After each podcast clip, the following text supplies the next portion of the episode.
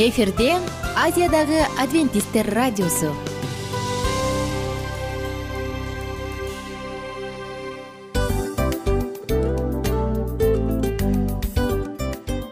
Достор салют. Баардык сүйүктүү угармандарыбызга салам айтабыз. Кутман күнүңүздөр менен. Ден соолук өмүрдүн булагы демекчи саламат саамы программасында баарыңыздарды көргөнүбүзгө абдан кубанычтабыз. Анда алгач амандашып өтөлү арбаңыздар деп. Ден соолугуңуздар кандай элибизде көбүнчө ден соолук кандай дегенде эле жакшы деп жооп беребиз э? ооруп турсак дагы жакшы дейбиз. Анан мен муну айтып ойлойт элем бул абдан сонун сөз депчи анткени бул жакшы деген үмүт да э ооба баары жакшы болот. Баары сонун. Деп үмүттөнүп атып эле өзүбүздү өзүбүз дарылап коебуз. Анысы кандай? Сиздин дагы ден соолугуңуз жакшы беш деген үмүттөбүз чындыгында ден соолук бул өмүрдүн булагы деп бекеринен айтылган эмес деп ойлойм. Кыргыз элинде анткени эгерде ден соолук жок болсо анда адамдын жашоосунда калган баардык керектүү маңыздуу нерселер өзүнүн баалуулугун жоготуп коет. Ошондуктан ден соолук бул эң керектүү нерсе. Ооба туура айтасың кесиптешим. Чынында ден соолугуң жок бир эки үч күн ооруп калсаң эле кандай болуп калат? Жашоодо көз каранды болуп каласың көп нерсеге жетишпей каласың көп нерсени кыла албай каласың жада калса эшикке дүкөнгө да чыга албай каласың. Туптуура анан ден соолук болсо демек биз биздин бактыбыз тотой деп койсок болот. Анда достор саламат рубрикабызды баштайлы. Алдыда өзүңүзгө керектүү болгон сонун кеңештерди уга аласыздар. Мына ошондуктан биз менен бирге болуңуздар. Ал эми биз болсо милан жана айнура. Кеттик алга. Алга саламат саама ден соолуктун жарчысы. Саламат саама ден соолуктун ачкычы. Күн сайын сиз үчүн мыкты кеңештер сонун жаңылыктар кызыктуу фактылар. Биздин рубрикада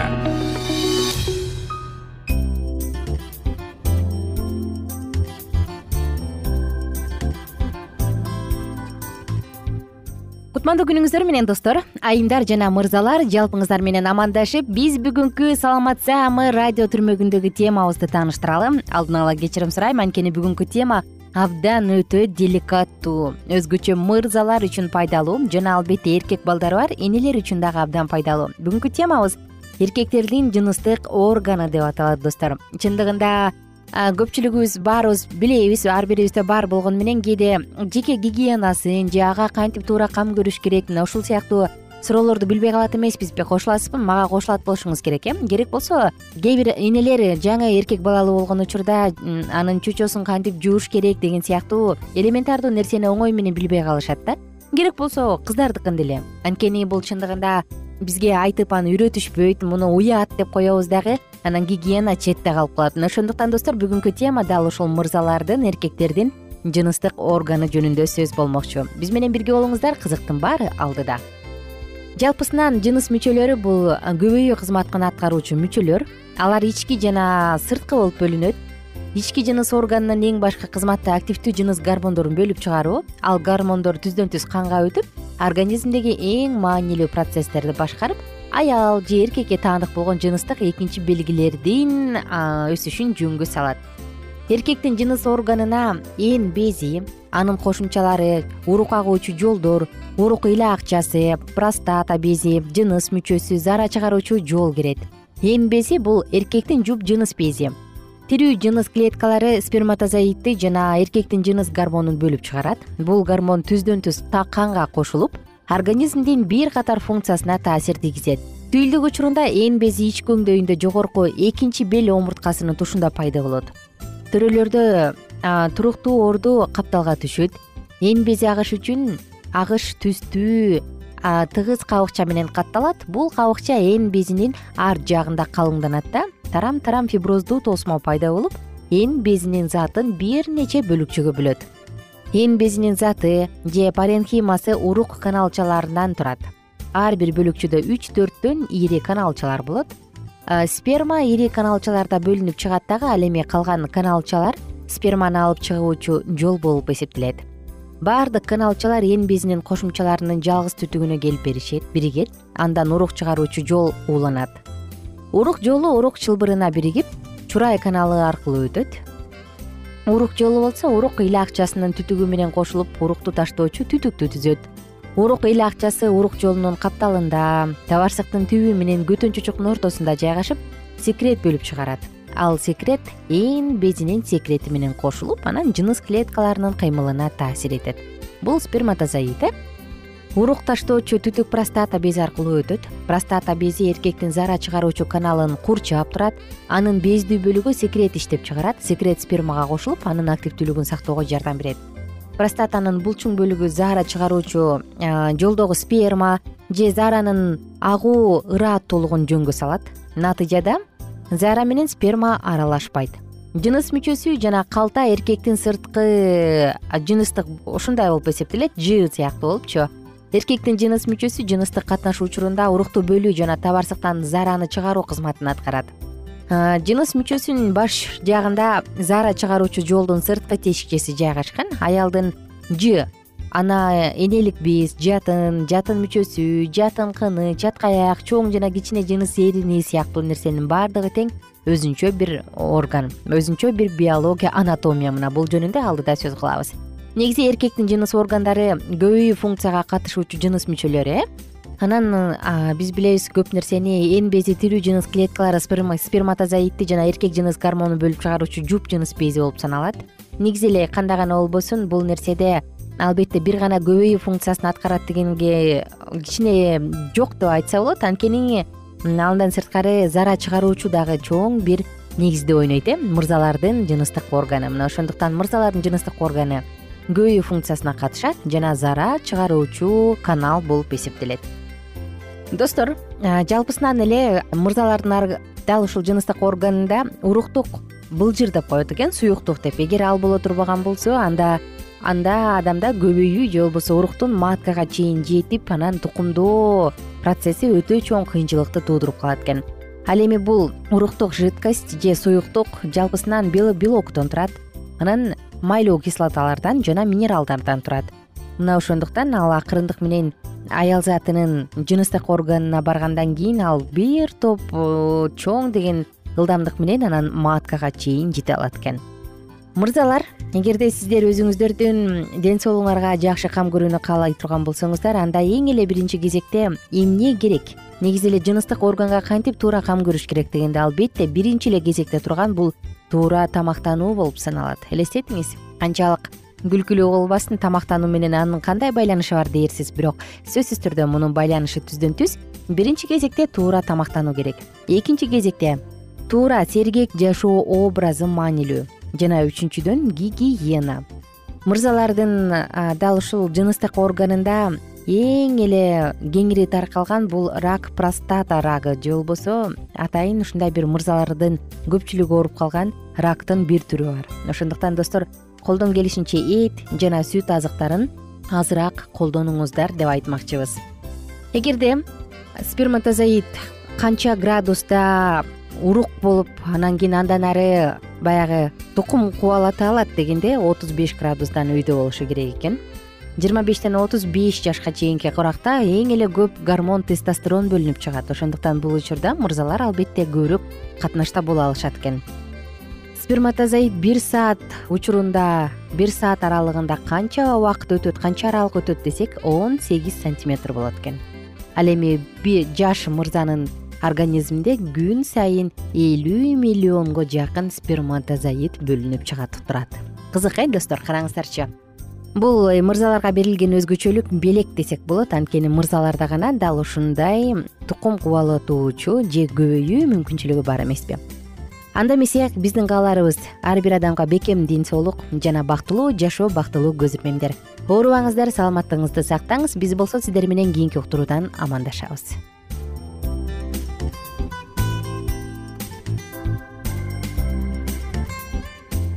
кененирээк маалыматтар үчүн үч w чекит саламат чекит клуб сайтына келип таанышыңыздар. Жана андан тышкары социалдык тармактарда youtube facebook жана instagram баракчаларына катталыңыз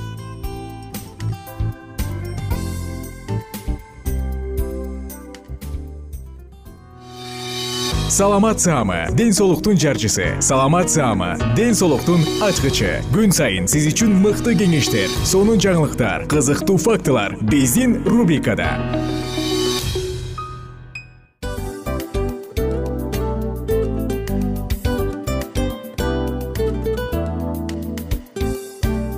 Салам достор. Кайрадан биздин сүйүктүү рубрикабызга кош келиңиздер деп айтмакчыбыз баардык замандаштарыбызга арбаңыздар деп саламыбызды айтабыз. Улуу ушундай бир э, урматтаган учурашуу менен анан дил маек радио баракчабызга чакырабыз. Негизи дил маек биздин рубрикабызда эмне жөнүндө кеп кылабыз? Бул дил маектин мааниси эмнеде? Рубрикабыз менен кичине тааныштырып кетсеңиз. Сөзсүз түрдө тааныштыра кетейин кесиптешим суранычы боюнча бул учурда бул радио баракчада биз ар тарап кесип ээлеринен сонун кеңештерди алабыз сүйлөшөбүз сырдашабыз. Аталарыбыздын эжелерибиздин апаларыбыздын кеңештерин угабыз айтор. Жан дүйнөгө адамдын э, сапатына адамдын деги эле адам болуп жашашына керектүү баардык кеңештер алдыда.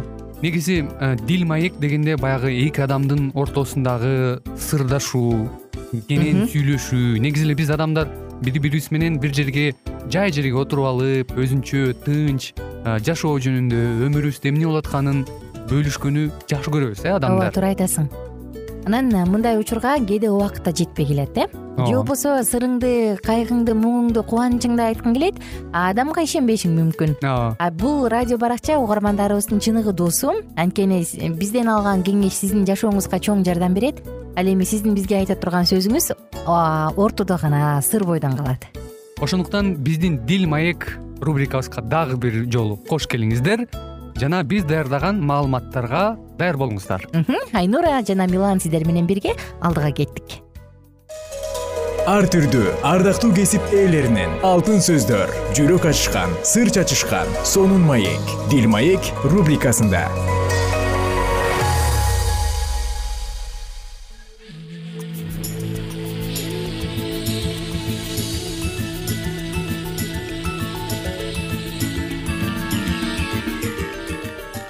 амансыздарбы ардактуу радио каармандарыбыз кайрадан эле биз сиздер менен кыргыз элибиздин каада салт үрп адаттары туурасындагы программабызды баштайбыз. Бүгүнкү программабыздын чыгарылышында өткөн берүүбүздө сөз кылгандай эле кыргыз эли эзелтеден кудалашуу салтына өзгөчө аздектеп аяр мамиле кылып келген.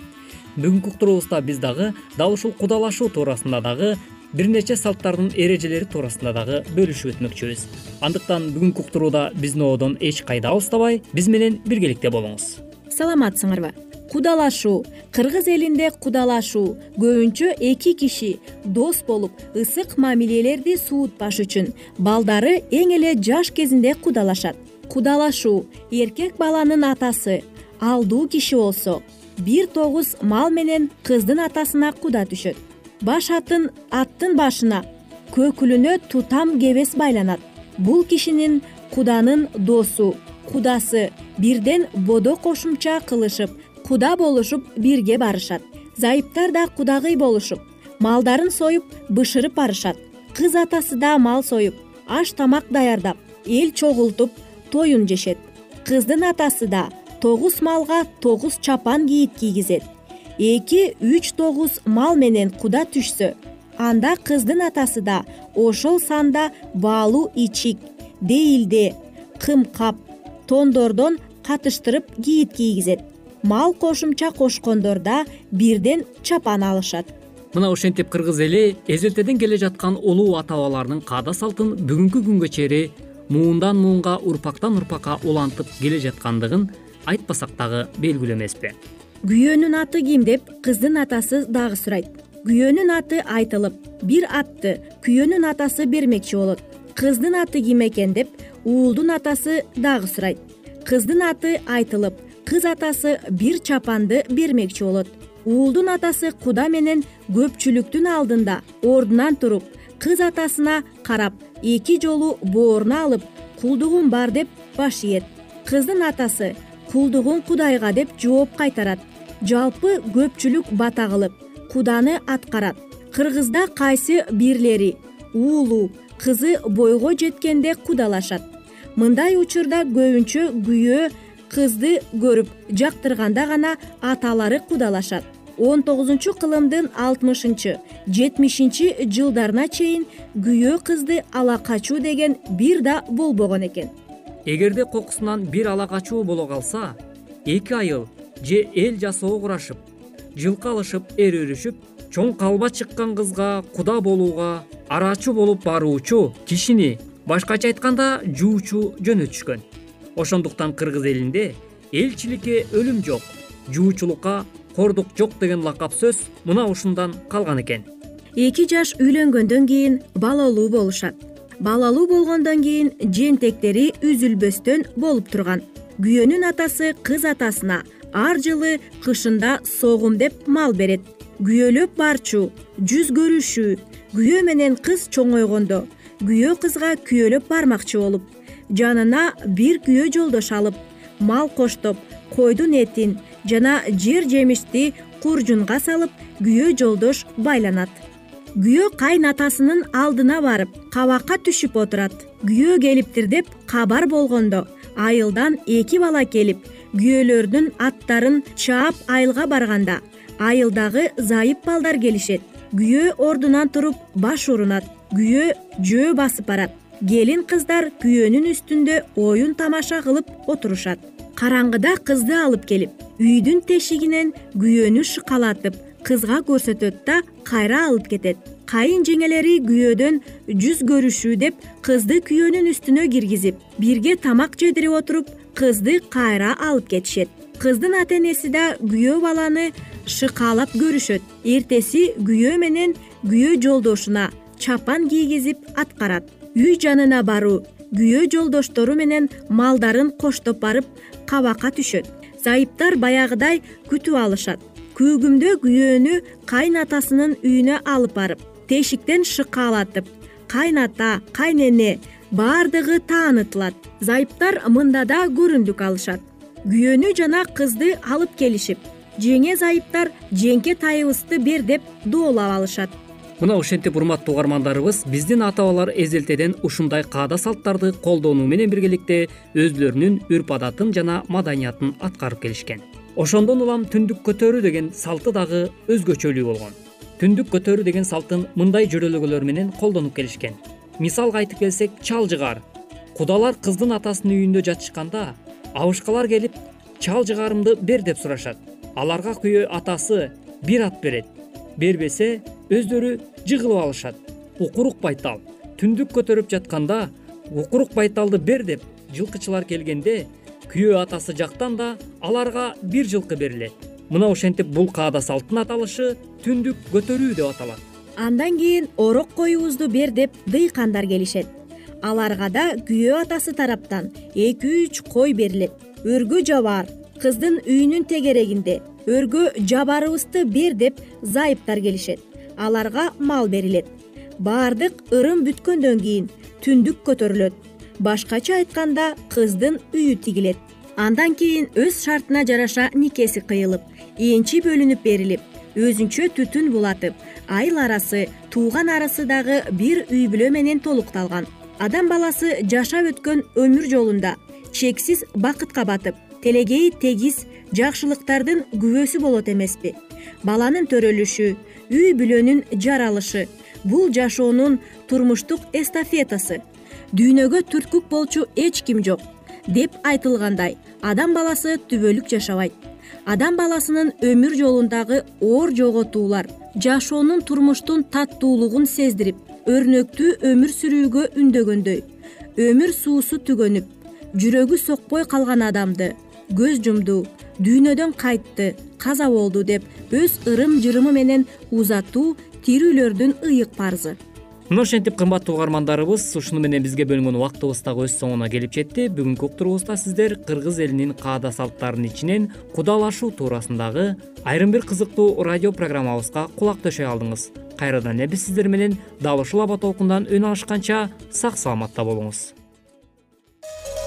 ар түрдүү ардактуу кесип ээлеринен. Алтын сөздөр жүрөк ачышкан сыр чачышкан сонун маек. Дил маек рубрикасында.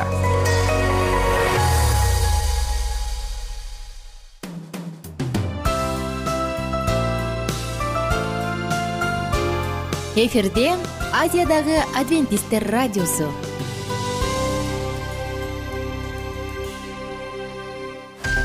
жан дүйнөңдү байыткан жүрөгүңдү азыктанткан жашооңо маңыз тартуулаган жан азык рубрикасы.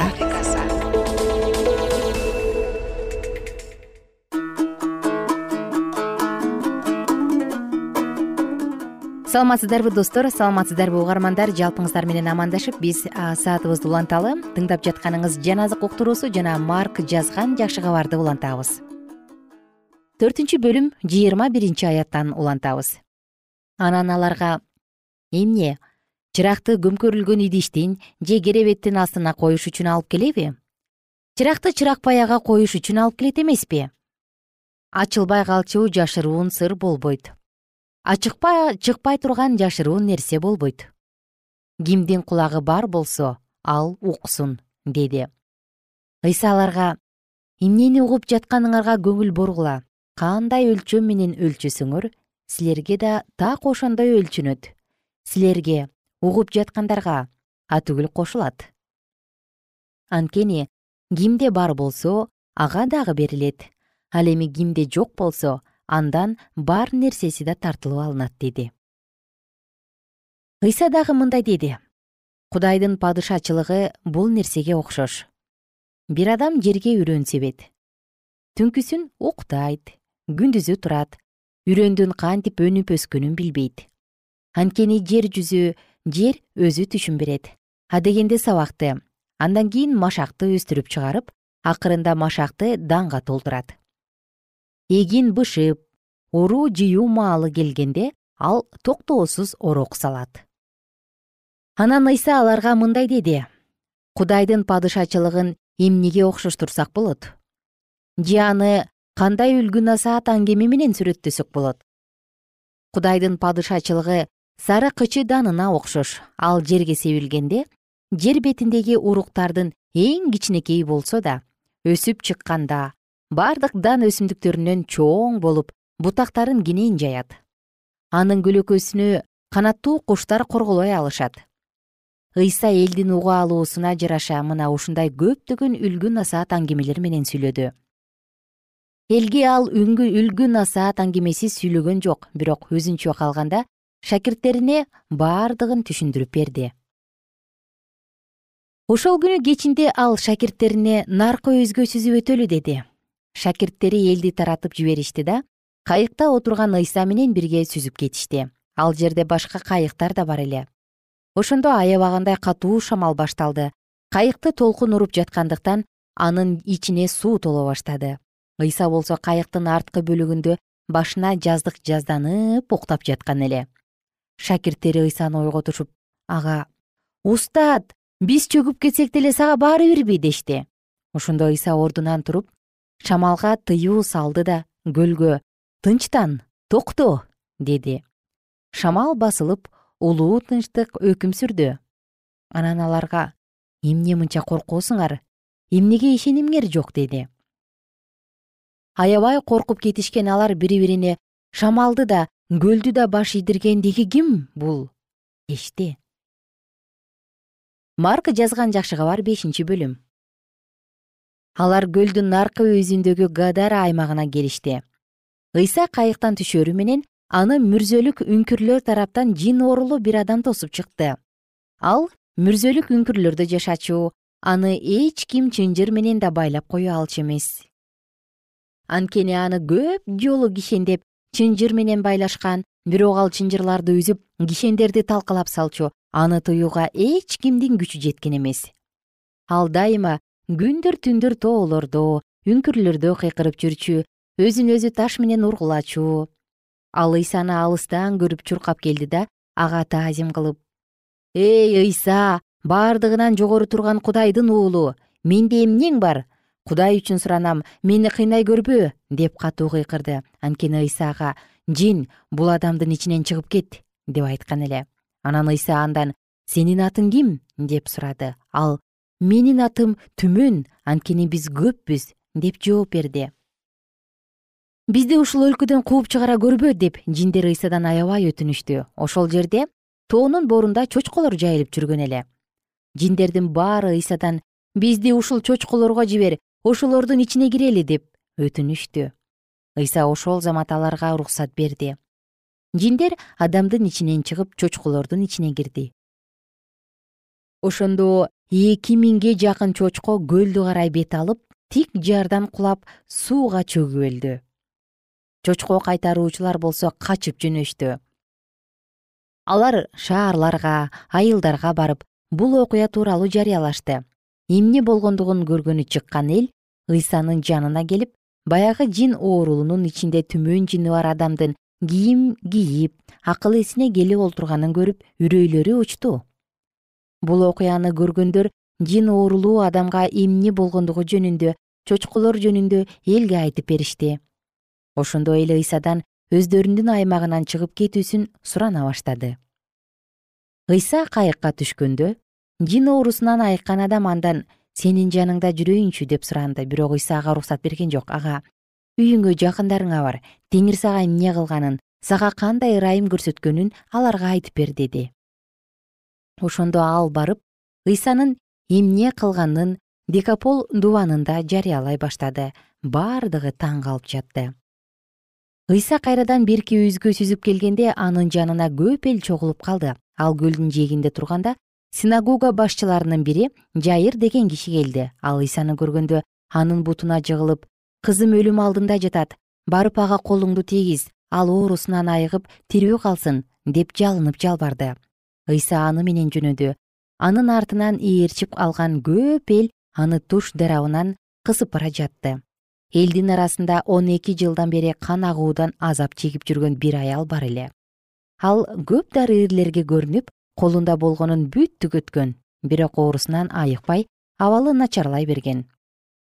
Ыйса жөнүндө уккан бул аял көпчүлүктү аралап өтүп анын артынан келип кийимине колун тийгизди. Анткени ал анын кийимине колумду тийгизсем эле айыгам деген эле. Ошол замат анын кан агуусу токтоду аял өзүнүн оорудан айыкканын сезди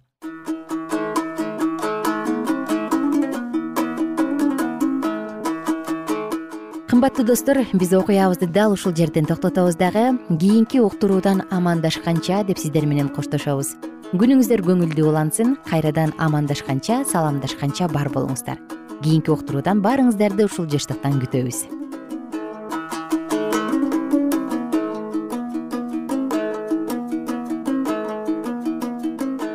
Эгер сиздерде суроолор болсо же көбүрөөк маалымат билем десеңиз анда биздин whatsapp номерибизге жазыңыз плюс бир үч жүз бир жети жүз алтымыш алтымыш жетимиш. Кайрадан плюс бир үч жүз бир жети жүз алтымыш алтымыш жетимиш